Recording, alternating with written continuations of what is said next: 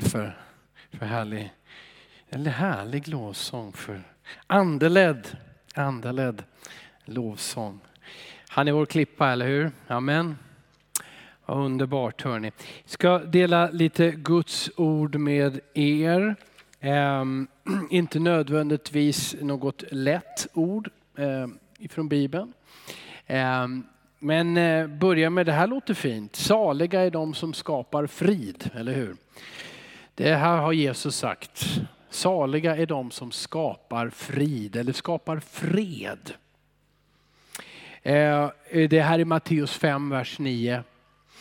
Och eh, han har också sagt alldeles innan, han precis sagt saliga är de barmhärtiga. Salig betyder eh, lycklig, rikt, mycket lycklig, rikt välsignad. Eh, och man blir det, säger Jesus, om man skapar fred. Eh, och eh, han uppmuntrar oss också att vara barmhärtig. Eh, hur skapar man fred? Hur skapar man frid omkring sig? Eh, skapar du fred omkring dig? Eh, familj, arbete, bland människor där du finns. Är du barmhärtig? Är du barmhärtig? Barmhärtig är ju att eh, verkligen bry sig om människor, inte de som älskar dig och är snälla mot dig hela tiden, eller hur? Det ska du också vara, var barmhärtig mot dem också. Men barmhärtig, det är du kanske där du överhuvudtaget inte tycker att de förtjänar det, eller hur? De har inte gett dig någonting för det, men du väljer att ge nåd, ge hjälp, visa barmhärtighet. Här är saker som Jesus säger till oss eh, som är, eh, eh de, de är utmanande för oss. Hur skapar du och jag fred och frid? Och som sagt, mot vem ska vi visa barmhärtighet? Jesus sa inte att det är lätt att visa barmhärtighet. Han sa inte att det är lätt att skapa fred. Men han sa att det gör, den som gör det blir salig. Det vill säga ditt eget välmående är beroende av om du är en fredsskapare eller inte. Din lycka har att göra med om du visar barmhärtighet mot andra människor eller inte. Ja, ska vi, lä vi läser det Matteus, eh, Matteus kapitel 5. Vi kommer att läsa ett antal olika bibelverser Eh, om att skapa fred. Jag vill börja i vers 6 för det var ju där som Allan började eh, till inledning av gudstjänsten, eller hur? Saliga är de som hungrar och törstar efter rättfärdighet för de ska bli mättade. Alltså de hungrar och törstar efter Guds rättfärdighet. Både i mitt eget liv men också i andra människors liv. Då blir vi mättade, då mår vi bra. Sen säger han då saliga är de barmhärtiga för de ska få barmhärtighet. Påminner mycket om det Jesus säger, allt vad ni vill att andra ska göra mot er, det ska ni göra mot dem. Vill du ha barmhärtighet? Ge barmhärtighet. Och vänta inte på att den andra ska börja. Saliga står i vers, eh, ska se, vers 8. Saliga är de renhjärtade, de ska se Gud. Halleluja. Och så står det saliga är de som skapar frid, för de ska kallas Guds barn. Guds barn, ja det är sådana som skapar fred och frid. Det är det naturliga. För den som följer Jesus och har tagit emot Jesus och går med Jesus, då är det det som Jesus tänker, då sker det i era liv. Då skapar ni fred och frid runt omkring er. Och men så vill jag fortsätta att läsa några verser. För som sagt var, det är inte lätt. Det är ingen lätt utmaning att vara barmhärtig. Det, här, det, det, det kommer inte naturligt. Inte ens om du är en jättesnäll svensk. Du vet, som alltid ler och är snäll och mild och inte säger någonting. Inte ens då är det lätt att alltid vara barmhärtig och vara den som skapar fred. Eller hur? Men titta här vad Jesus nu säger. det här, nu blir det ju nu blir det snäppet värre här. Vers 10 och framåt. Saliga är de som blir förföljda för rättfärdighetens skull. För de tillhör himmelriket. Nu kommer han in på förföljelse av de som följer honom. Saliga är ni när människor hånar och förföljer er och ljuger och säger allt möjligt ont om er för min skull. Alltså nu, är det blivit, nu blir det riktigt otrevligt att vara Jesu efterföljare. I alla fall för känslorna. Gläder och jubla för er lön är stor i himlen. Och på samma sätt förföljde man profeterna före er. Han liksom bara drar hela gamla testamentet och säger, kolla hur det gick för alla profeterna. De blev förföljda, var inte så förvånad om du möter motstånd. Men dig tillhör himmelriket står det. Och det finns lön i himlen. Och därför så ska du och jag vara fredsivrare och fredsskapare i alla sammanhang. Och lära oss att utöva barmhärtighet enligt Jesus. Mm.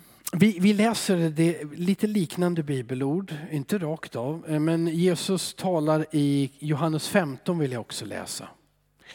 Johannes 15, vers 20 och 21 först. Han talar om förföljelse här. Kom ihåg vad jag har sagt. Tjänaren är inte större än sin herre. Har de förföljt mig ska de också förfölja er. Har de bevarat mitt ord ska de också bevara ert ord. Har de, eh, ska vi se, men allt detta kommer de att göra mot er för mitt namns skull, därför att de inte känner honom som har sänt mig. Jesus säger till oss, förvänta er motstånd. Han kallar oss för tjänarna i det här sammanhanget. Så har de förföljt, hur, hur var de sa, tjänaren är inte större än sin, än sin herre. Det är inte så att du och jag är större än Jesus, amen, det vet vi om, eller hur? Och har han blivit förföljd, då ska vi inte förvänta ja men det går bara bra för oss. Nej, det kan vi och får vi inte förvänta oss. Inte om vi har lyssnat på vad Jesus säger och tar det på allvar.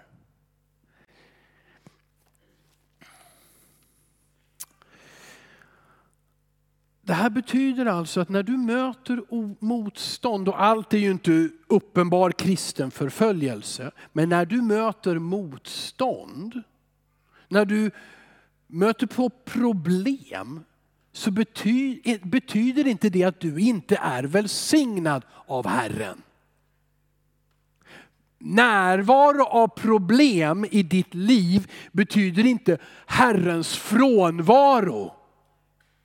Men det här behöver jag lära mig. Och jag tror att en och annan också behöver ta det till sig om och om igen. För känslomässigt är det väldigt mänskligt att känna Gud har glömt mig. När är han, var är han när det är som värst och jag behöver honom som mest? Men han har sagt det till oss. Att vi ska veta om det. Att det här möter troende som följer Jesus. Ja, det, det här kan ju också vara ett peptalk. Jag har skrivit här också. Det står de gör det därför att de inte känner honom som har sänt mig, för att de inte känner Gud. Vi kan så lätt tänka, ja men det är min församling, de har klantat till sig. De har blivit för radikala. De höll inte tyst. De borde ha varit visare. Alltså så det är liksom, vi tänker så lätt, ja men det, det, det är vårt eget fel. Men Jesus säger väldigt klart, nej det är inte därför, även om vi också kan göra eh, ovisa uttalanden och så vidare, det är inte det. Men här, här, här, detta kommer av att världen inte känner Gud. Det är, det, för, när, när det kommer ur Jesu mun, det är liksom så, det är så logiskt. Förstår ni inte? Det är så här. Världen har inte tagit emot Gud och tror på honom och därför händer det här om och om igen. Det händer inte hela tiden, det säger inte Jesus heller, att förföljelse händer hela tiden. Men det kommer om och om igen. Motstånd, svårigheter av olika slag. Hörrni, jag ska ta med eh, lite snabbt genom några olika eh, exempel från den första församlingen. Eh, jag kommer börja läsa Apostlagärningarna 8, vers 1. Första församlingen, men då måste jag påminna, det här är den församling där det står att på pingstdagen när Petrus predikade och de andra var med och vittnade och hade blivit döpta i heligande så blev 3000 frälsta och döpta och lades till församlingen. Och sen så står det i följande kapitel om ytterligare tusentals människor.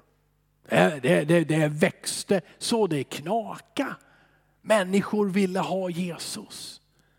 Och samtidigt så, så läser vi hela tiden om förföljelse och motstånd.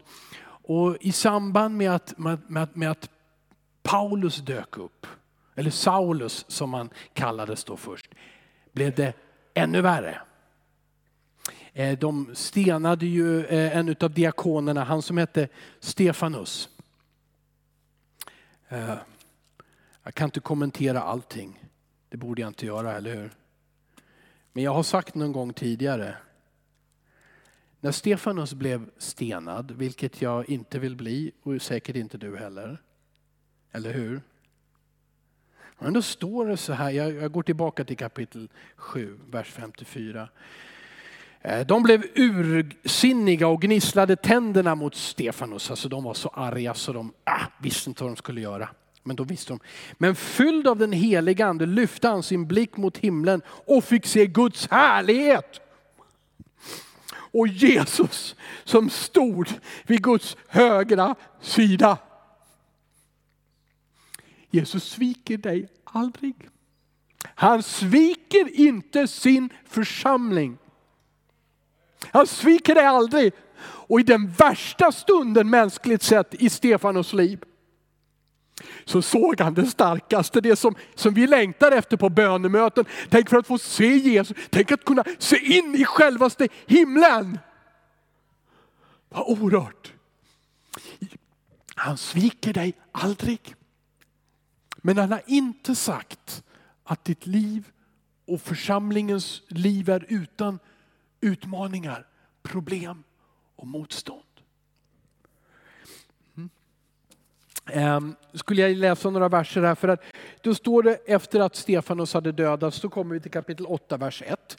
Samma dag utbröt en svår förföljelse mot församlingen i Jerusalem. Och alla utom apostlarna skingrades över Judeen och Samarien några gudfruktiga män begravde Stefan och visade djup sorg över honom. Men Saulus försökte utplåna församlingen. Han gick in i hus efter hus och släpade ut både män och kvinnor och satte dem i fängelse. Det här är alltså Jerusalem, det, det är fruktansvärt. Men står det i vers 4.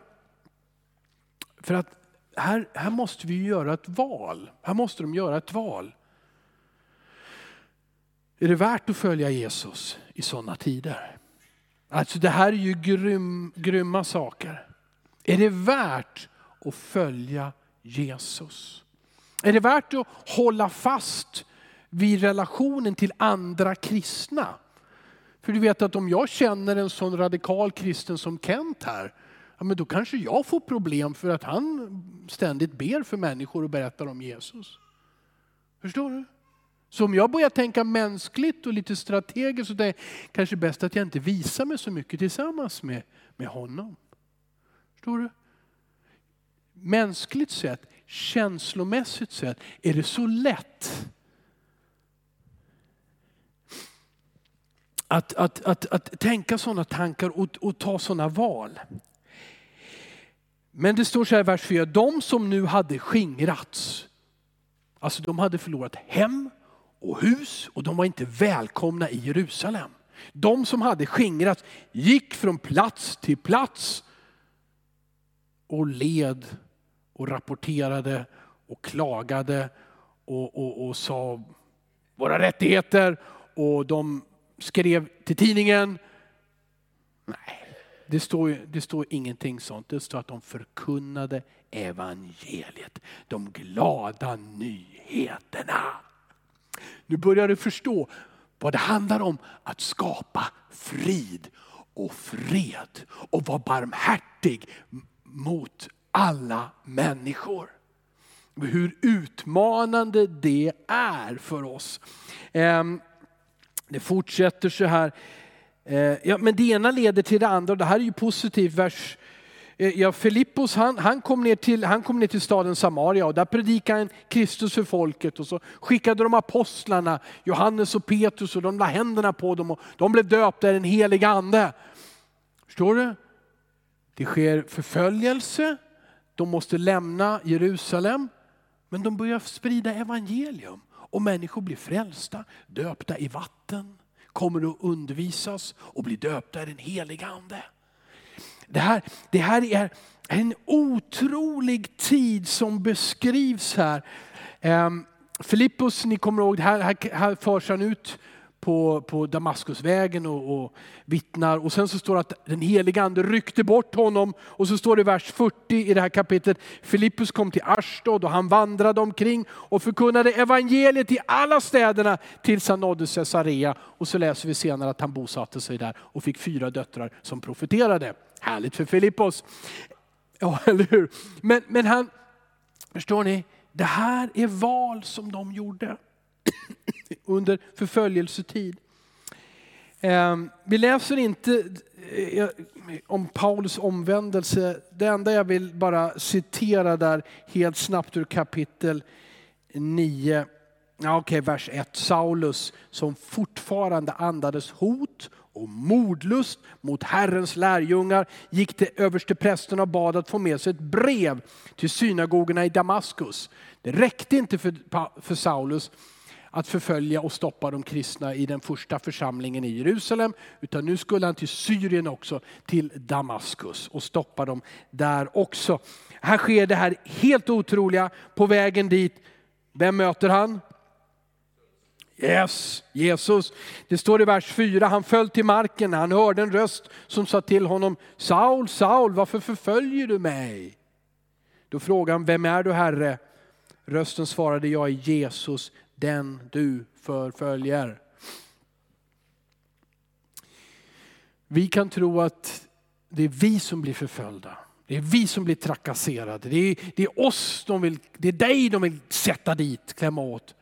Men Jesus säger det är mig. Det är mig. Det betyder att han är med dig. Han identifierar sig med dig. Du, i, I all din mänskliga svaghet och vi gör ju fortfarande fel och tänker tankar och allt, har känslor. Så säger han, jag är med dig. Om någon förföljer dig, då är det mig de förföljer. Det där är rätt så häftigt, eller hur? Eller hur? Det är liksom som, om du har de problem med dig, då har de problem med Jesus. Wow, nu blir det häftigt. Det är Jesus som säger, jag är med dig. Och I det här fallet så frågar han Saulus, vad håller du på med? Du förföljer mig. Saulus omvänder sig. Eh, det är ah, oerhört stark berättelse. Eh, men jag läser inte det utan hoppar till, no, till vers 31 i det här kapitlet. Eh, vers, kapitel 9, vers 31. Församlingen hade nu lugn och ro i hela Judeen, Galileen och Samarien. Wow, det här är motsatsen till förföljelse. Tack. Mhm. Det står att om du ger ett glas vatten, inte glas, om du ger vatten till, till en av mina minsta, eller hur? Det står i Bibeln. Det är en oerhörd välsignelse över den som delar med sig till en broder och en syster. Tack. Församlingen hade nu lugn och ro. Det var ju efter att Saulus hade eh, blivit frälst. Den blev uppbyggd och levde i vördnad för Herren och växte. Hur då? Genom den heliga andes tröst och förmaning. Jag vill visa det här och så ska jag läsa någonting till här innan vi avslutar det här med apostlagärningarna. Jag läser från kapitel 11 och vers 19 också, för det fortsätter. De som hade skingrats genom förföljelsen som började med Stefanus kom ända till Fenicien, det ligger vid kusten utanför Israel. Cypern, den ön känner ni till, och Antiochia, igen uppe i Syrien. Och de förkunnade ordet endast för judar. Men bland dem fanns några från Cypern och Kyrene och när de kom till Antiochia började de tala även till grekerna och förkunna evangeliet om Herren Jesus. Och Herrens hand var med dem och ett stort antal kom till tro och omvände sig till Herren. Det här hade aldrig hänt om inte förföljelsen hade drabbat dem. Au. Det hade heller aldrig hänt om de inte hade tagit Jesu ord på allvar. Jag ska vara barmhärtig och jag ska skapa fred. När man blir fördriven ur hem och hus, orättvist och orättfärdigt kastad i fängelse. Men ändå välja och säga jag ska berätta om de glada nyheterna. Det finns en sån kraft i det. Och Herren använder det. Och till, då vill jag läsa vad Jesus sa i Lukas kapitel 6. Eh, inte, inga okända ord här inte. Lukas kapitel 6, vers 27 och 28. Jesus säger så här, men till er som lyssnar säger jag. Det är snällt. Alltså, till er som lyssnar säger jag, älska era fiender och gör gott mot dem som hatar er. Välsigna dem som förbannar er och be för dem som förolämpar er. Jag ställde frågan, hur skapar vi fred? Hur skapar vi fred och frid? Genom att älska våra fiender, säger Jesus, och göra gott mot dem som hatar det. Där har du barmhärtighet. Att göra gott mot den som hatar dig. Välsigna och förbanna inte, säger Jesus. Oh, och många gånger vi måste hålla, hålla vår tunga i styr. Förbanna inte, utan välsigna, det vill säga tala gott om dem inför Herren. Och det står be för dem som förolämpar er. Det här är den segrande församlingen. Det här är församlingen som skapar fred på jorden. Som skapar frid. Och lönen, det, alltså jag har ju nästan hoppat över lönen. Men jag sa det i början, salig säger Jesus. Alltså lycklig blir du när du skapar frid. Du får barmhärtighet när du ger barmhärtighet. Dig tillhör himmelriket. Det står att de renhjärtade ska se Gud och precis det hände med Stefanos. Han kompromissade inte, han predikade evangeliet. Det måste predikas. Och i den stunden verkade det inte som så många trodde på Stefanos och höll med. Men ändå, trots att stenarna flög genom luften, så måste det ha skett något i hjärta efter hjärta efter hjärta. För församlingen, den växte. Vilken utmaning. Vilken utmaning. Hörrni, jag ska, ta, ska läsa den 22 maj. Den 22 maj så stod det i tidningen Dagen en artikel och den här finns inte med tror jag så mycket andra svenska nyhetsrapporteringar. Eh, från ett land som heter Chad. Tchad är ungefär tre gånger så stort som Sverige. 16 miljoner människor läste jag i artikeln att det finns. En by i södra Tchad där många kristna bor har attackerats. Människor har dödats och byggnader, däribland flera kyrkor, har bränts ner. Hela byar har bränts ned och plundrats och många flyr från sina hem och lever i stor fruktan. Det står att på kort tid har flera attacker riktats mot lokalbefolkningen. Tungt beväpnade män attackerar oskyldiga människor som mördas mer eller mindre urskillningslöst. Många är livrädda och attackerna innebär att de inte vågar gå ut. Det är såningstid för grödor.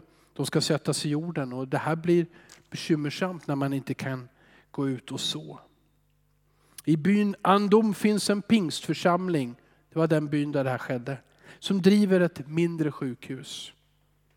Dit har många kommit för att få vård. Tusentals har flytt till det här sjukhuset. Det här är nu någon vecka, liten dryg vecka söndag 22 maj.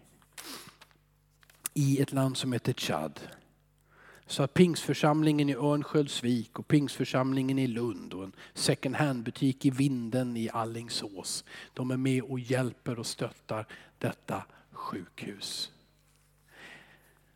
det är inte så att förföljelse bara hände för 2000 år sedan.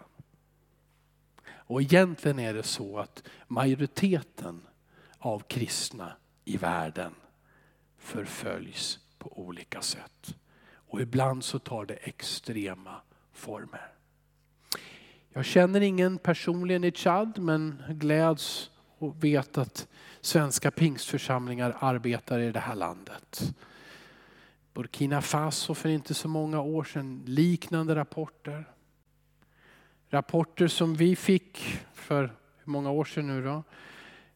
Mer än 20, ja, 30 år sedan, förlåt, 30 år sedan från Rwanda. Om pastorer som flydde med sina församlingar genom djungeln. Och hela församlingen sprang och sprang både dag och natt. För att undkomma de soldater som jagade efter dem. Också många mirakel som vi har hört. Och människor som vi känner. Det här är församlingen. Och det är så lätt att drabbas utav hat och ilska, förtvivlan. Men en bedjande församling kan inte ge upp. En församling som ber. En församling som litar på Jesus som tar Guds ord på allvar, även när solen skiner. Säger jag vet, jag tackar dig för välsignelser Herre.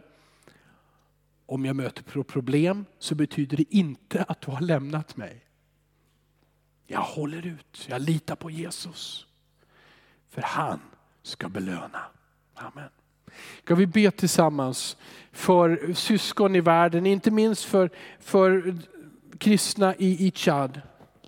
Jag vill be för, för våra eh, för andra pingsförsamlingar som engagerar sig och hjälper. Och det, det, finns lite liknande situationer i flera av de länder där vi som församling arbetar. Och, och, finns med, ibland med pengar, ibland med böner, ibland med resebesök. Till exempel Allan och Patrik och, och andra som, som har gjort besök i de här länderna och håller närmare kontakter där man kan. Vi tar en stund och, och, och be för våra syskon.